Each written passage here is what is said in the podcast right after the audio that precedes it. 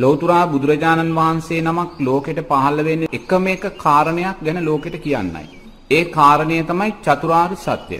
තේරෙන මේ චතුරාර්ය සත්‍ය කියන මේ උතුම් කාරණය අවබෝධ කරගන්න තමයි බෝධිසත්වයේ සාරා සංක කල්ප ලක්ෂ ගාණක් පාරමී ධර්මයන් පුරාගෙන එන්නේ. එනම් බුදුරජාණන් වහන්සේ කෙනෙක් මේ ලෝකෙට පහළ වෙන්නේ මේ චතුරාර්ය සත්‍ය කියන මෙන්න මේ උතුම් ධර්මතාවයේ ලෝකයට කියන්නේ. ඒ චතුරාර්ය සත්‍යයේ ධර්මතාවයේදී බුදුරජාණන් වහන්සේ දේශනා කරන මුල්ම ආර්ය සත්‍ය තමයි දුක කියන කාරණය. එතකොට දුක කියලා බුදුරජාණන් වහන්සේ දේශනා කරන්නේ මේ ජාති ජරා ව්‍යාධි මරණ ශෝක පරිදේව දුක්ඛ දෝමනස්ස ප්‍රියන්ගෙන් වෙන්වීම අප්‍රියන් හා එක්වීම පංච උපාදානස්කන්ධය නිත්‍යභාවයෙන් ගැනීම තුල සකස් වෙන්නා වූ දුක. තේරෙනවද? මේ දුක තුල මේ ලෝකේ ජීවත් වෙන සෑම සත්වයක්ම යම් යම් ප්‍රමාණයන්ට ඉන්නවා. එහෙනම් දුක කියන කාරණේ අපි තුල තියෙනවද? තියෙනවා.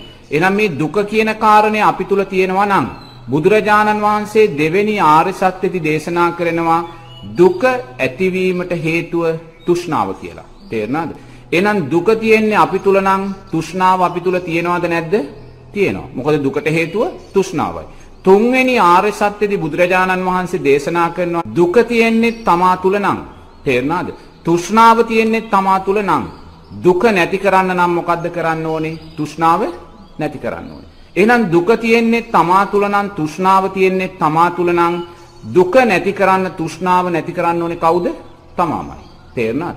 හතරවෙනි ආර්ය සත්‍යදී බුදුරජාන් වහන්සේ දේශනා කරනවා දුක තියෙන්නේ තමා තුල නම් තෘෂ්ණාව තියෙන්නේ තමා තුල නම් දුක නැති කරන්න තෘෂ්ණාව නැති කරන්න ඕනේ තමාම නම් නැති කිරීමේ මාර්ගය ආරෂ්ඨාංගික මාර්ගයයි කියලා. එහෙනම් බුදුරජාණන් වහන්සේ නමක් මේ ලෝකෙට පහළ වෙන්නේ මේ දුක නැති කිරීමේ මාර්ගය ආරෂ්ඨාංගික මාර්ගය මේ ලෝකෙට දේශනා කරා. තේරුණාද? එහෙනම් බුදුරජාණන් වහන්සේගේ උප්පත්තිය බුද්ධත්වයේ පිරිනිවීම කියන කාරණා තුන තුලින් අපේ ජීවිතේට අපි අර්ථවත් කරගන්න ඕනේ මේ ආරෂ්ඨාංගික මාර්ගයේ ශක්තියයි. තේරුණාද? ඒ නිසා යමෙක් ඇහුවොත් අපි කොහොමද මේ තෙමගුල සිහිපත් කරන්නේ කියන කාරණය අපි මේ තෙමගුල සිහිපත් කරන්න ඕනේ ආර්ය අෂ්ටාංගික මාර්ගය වැඩෙන ආකාරයට. ආර්ය අෂ්ටාංගික මාර්ගයේ වැඩෙන ආකාරයෙන් මේ තෙමගුල සිහිපත් කිරීම තමයි බුදුරජාණන් වහන්සේ උදෙසා අපිට කරන්න තියෙන ශ්‍රේෂ්ඨම උපහාරය. ඊට වඩා උපහාරයක් නැහැ. එනිසා ආර්යෂ්ඨාංගික මාර්ගයේ වැඩෙන ආකාරයෙන් පින්කම් සිද්ධ කරනවා කියන්නේ මේ සීල සමාධි ප්‍රඥා කියලා කොටස් තුනකට බෙදෙනවා. තේරුණාද? සීලයට අදාළ අංගයන් හැටියට බුදුරජාන් වහන්සේ සම්මා වාචා සම්මා කම්මන්තෝ සම්මා ආජීවෝ කියන කාරණා තුන වෙන් කරනවා. සමාධියට අදාළව බුදුරජාණන් වහන්සේ සම්මා වායාමෝ සම්මා සති සම්මා සමාධි කියලා වෙන් කරනවා. ප්‍රඥාවට අදාළ කාරණා හැටියට බුදුරජාණන් වහන්සේ සම්මා දිට්ඨි සම්මා සංකප්පයන් වෙන් කරනවා. තේරෙනවද? එතකොට මේ ආරෂ්ඨාංගික මාර්ගය මේ ආකාරයකට බෙදලා තියෙනවා. මෙහෙම බෙදද්දී අපි දක්ෂ වෙන්න ඕනේ. දකින්න සම්මා දිට්ඨියෙන් තොරව කවදාක්වත් සම්මා සංකප්පයක් සකස් වෙන්නේ නැහැ. සම්මා සංකප්පයකින් තොරව කවදාක්වත් සම්මා වාචාවක් සකස් වෙන්නේ නැහැ. සම්මා වාචාවකින් තොරව කවදාක්වත් සම්මා කම්මන්තයක් සකස් වෙන්නේ නැහැ. සම්මා කම්මන්තයෙන් තොරව සම්මා ආජීවයක් වායාමයක් සතියක් සමාධියක් සකස් වෙන්නේ මේ එක අංගෙන් අංගෙ තමයි මේක වැඩෙමින් යන්නේ. හේතුඵල ධර්මයක්. තේරෙනවද එහෙනම් මේ ආරෂ්ඨාංගික මාර්ගයේ මුල්ම මාර්ගාංගය තමයි සම්මා දිට්ඨිය. එතකොට සම්මා දිට්ඨිය කියලා බුදුරජාණන් වහන්සේ දේශනා කරනවා වගේම බුදුරජාණන් වහන්සේ මේ ආර්යෂ්ඨාංගික මාර්ගය කොටස් දෙකකට බෙදනවා. එකක් ලෞකික ආර්යෂ්ඨාංගික මාර්ගය ඊළඟට ලෝකෝත්තර ආර්යෂ්ඨාංගික මාර්ගය. තේරෙනවද? එතකොට ලෞකික ආර්යෂ්ඨාංගික මාර්ගෙදී සම්මා දිට්ඨිය කියලා බුදුරජාණන් වහන්සේ දේශනා කරන්නේ තෙරුවන් කෙරෙහි සද්ධාව. එක තේරෙනවද? දෙක කර්මය කර්මඵල විශ්වාසය. තේරෙනවද? තුන තමන් මැරිලා හේතුඵල ධර්මයන් අනුව නැවත උපතක් තියෙනවා කියන විශ්වාසය. ඊළඟට දන් දුන්නොත් සිල් සමාදන් වුණොත් එහි ආනිසංස තියෙනවා කියලා ඇති කරගන්න විශ්වාසය. ඊළඟ එක තමයි අම්මා තාත්තාගේ ගුණයන් කෙරෙහි ඇති කරගන්නා වූ විශ්වාසය. ඊළඟ එක තමයි මේ ධර්මයේ සම්දිට්ඨිකව තියෙන තාක්කල් මේ උතුම් ආර්ය මාර්ගය තුල ඒ ශක්තිමත් භාවයන් ඒ ප්‍රතිඵලයන් ලබන්න පුළුවන් කියලා ඇති කරගන්නා වූ විශ්වාසය. එතකොට යමෙක් තුල මේ විශ්වාසයන් තියෙනවා නම් එයා ලෞකික සම්මාදිට්ඨිය තුල ඉන්නවා. එතකොට ලෞකික සම්මාදිට්ඨිය තුල ඉඳීමෙන් අපිට ලැබෙන ඵලය මොකක්ද? සුගතියේ උපතක් ලැබෙනවා. ඒක හොඳට තේරුම් ගන්න. ලෞකික සම්මාදිට්ඨිය තුල ඉඳීමෙන් අපිට සුගතියේ උපතක් ලැබෙනවා.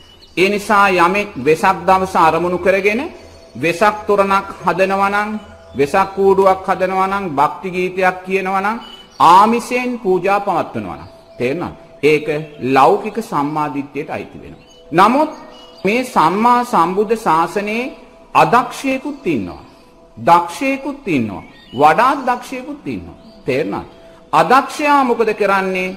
එදාට ඔලුබක්කු නටෝල හරි එයා දුගතියට අවශ්‍ය සංස්කාර රැස් කරගන්න. එයා අදක්ෂයෙක්. එයා වෙසක් දවසට එහෙම නැත්නම් තෙමගුලට නොගැලපෙන ආකාරයෙන් එයා හැසිරෙනවා.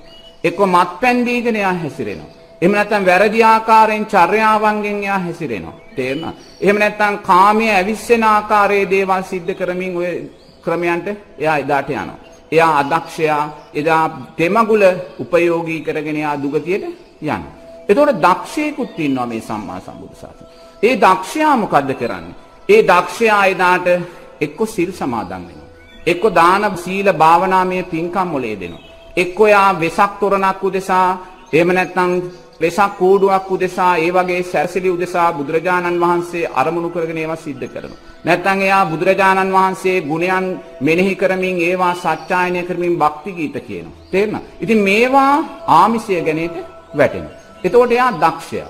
ඒ ආමිෂය අපිට හේතු වෙනවා අනිවාර්යයෙන්ම සුගතිය කරා යන්න. නමුත් ඒ ආමිෂය තුල යා යෙදෙන්න ඕනේ සිල්පද පහ ආරක්ෂා කරගෙන. සිල්පද පහ ආරක්ෂා කරගෙන ආමිෂයේ යෙදුනොත් එදාට ඒක සුගතිගාමි කුසලයක් බවට යාට පත් වෙන්නේ. තේරෙනවද? නමුත් මේ ලෝකයේ සම්මා සම්බුද්ධ ශාසනයේ සැබෑම දක්ෂයෙක් ඉන්නවා. ඒ සැබෑම දක්ෂයා එදාට මේ සෑම සංස්කාරයන්ගේ අනිත්‍යභාවය දකිමින් තේරුණාද? එයා විදර්ශනා නුවණ සකස් කරගන්නවා කියලා බුදුරජාණන් වහන්සේ දේශනා කරනවා. තේරෙනවද? එයා වෙසක් තොරන් හදන්න, වෙසක් කූඩු හදන්න, භක්ති ගීත කියන්නේ එයා යන්නේ නැහැ. තේරෙනවද? එයා මේ සංස්කාරයන්ගේ අනිත්‍යභාවය නුවණින් මෙනෙහි කරනවා. එයා නුවණින් මෙනෙහි කරනවා අතීතයේ බුදුරජාණන් වහන්සේලා ලක්ෂ ගාණක් මේ ලෝකේ පහළ වුණා. ඒ සෑම බුදුරජාණන් වහන්සේ නමක්ම පිරිනිවී ගියා කියන කාරණය මෙනෙහි කරනවා. ඒ වගේම අපේ ගෞතම බුදුරජාණන් වහන්සේ පිරිනිවී ගියා කියන කාරණය නුවණින් මෙනෙහි කරනවා. අතීතයේ සම්මා සම්බුද්ධ ශාසන ලක්ෂ ගාණක් පැවතියා.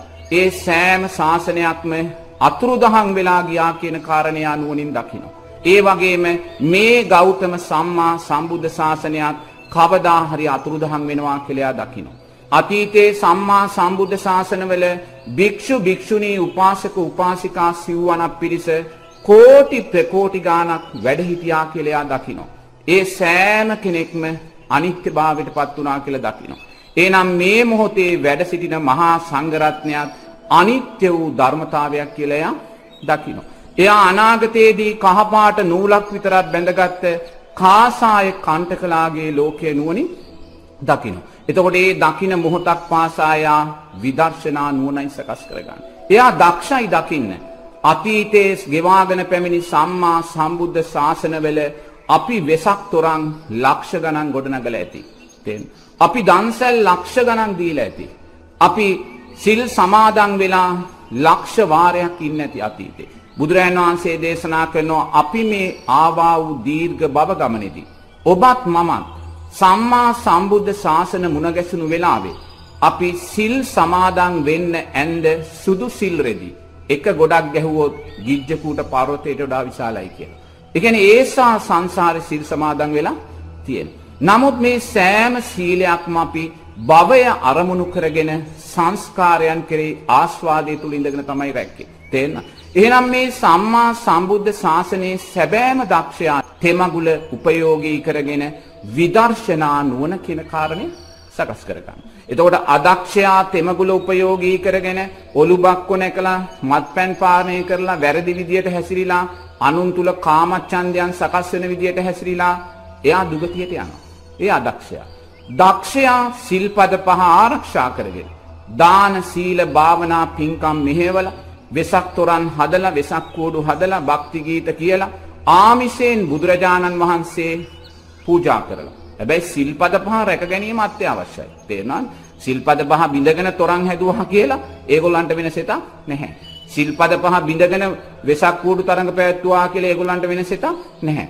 සිල්පද ආරක්ෂා කරගෙන ආමිසයෙන් බුදුරජාණන් වහන්සේ පූජා කරලා ඒගොල්ලෝ සුගතියට යනවා.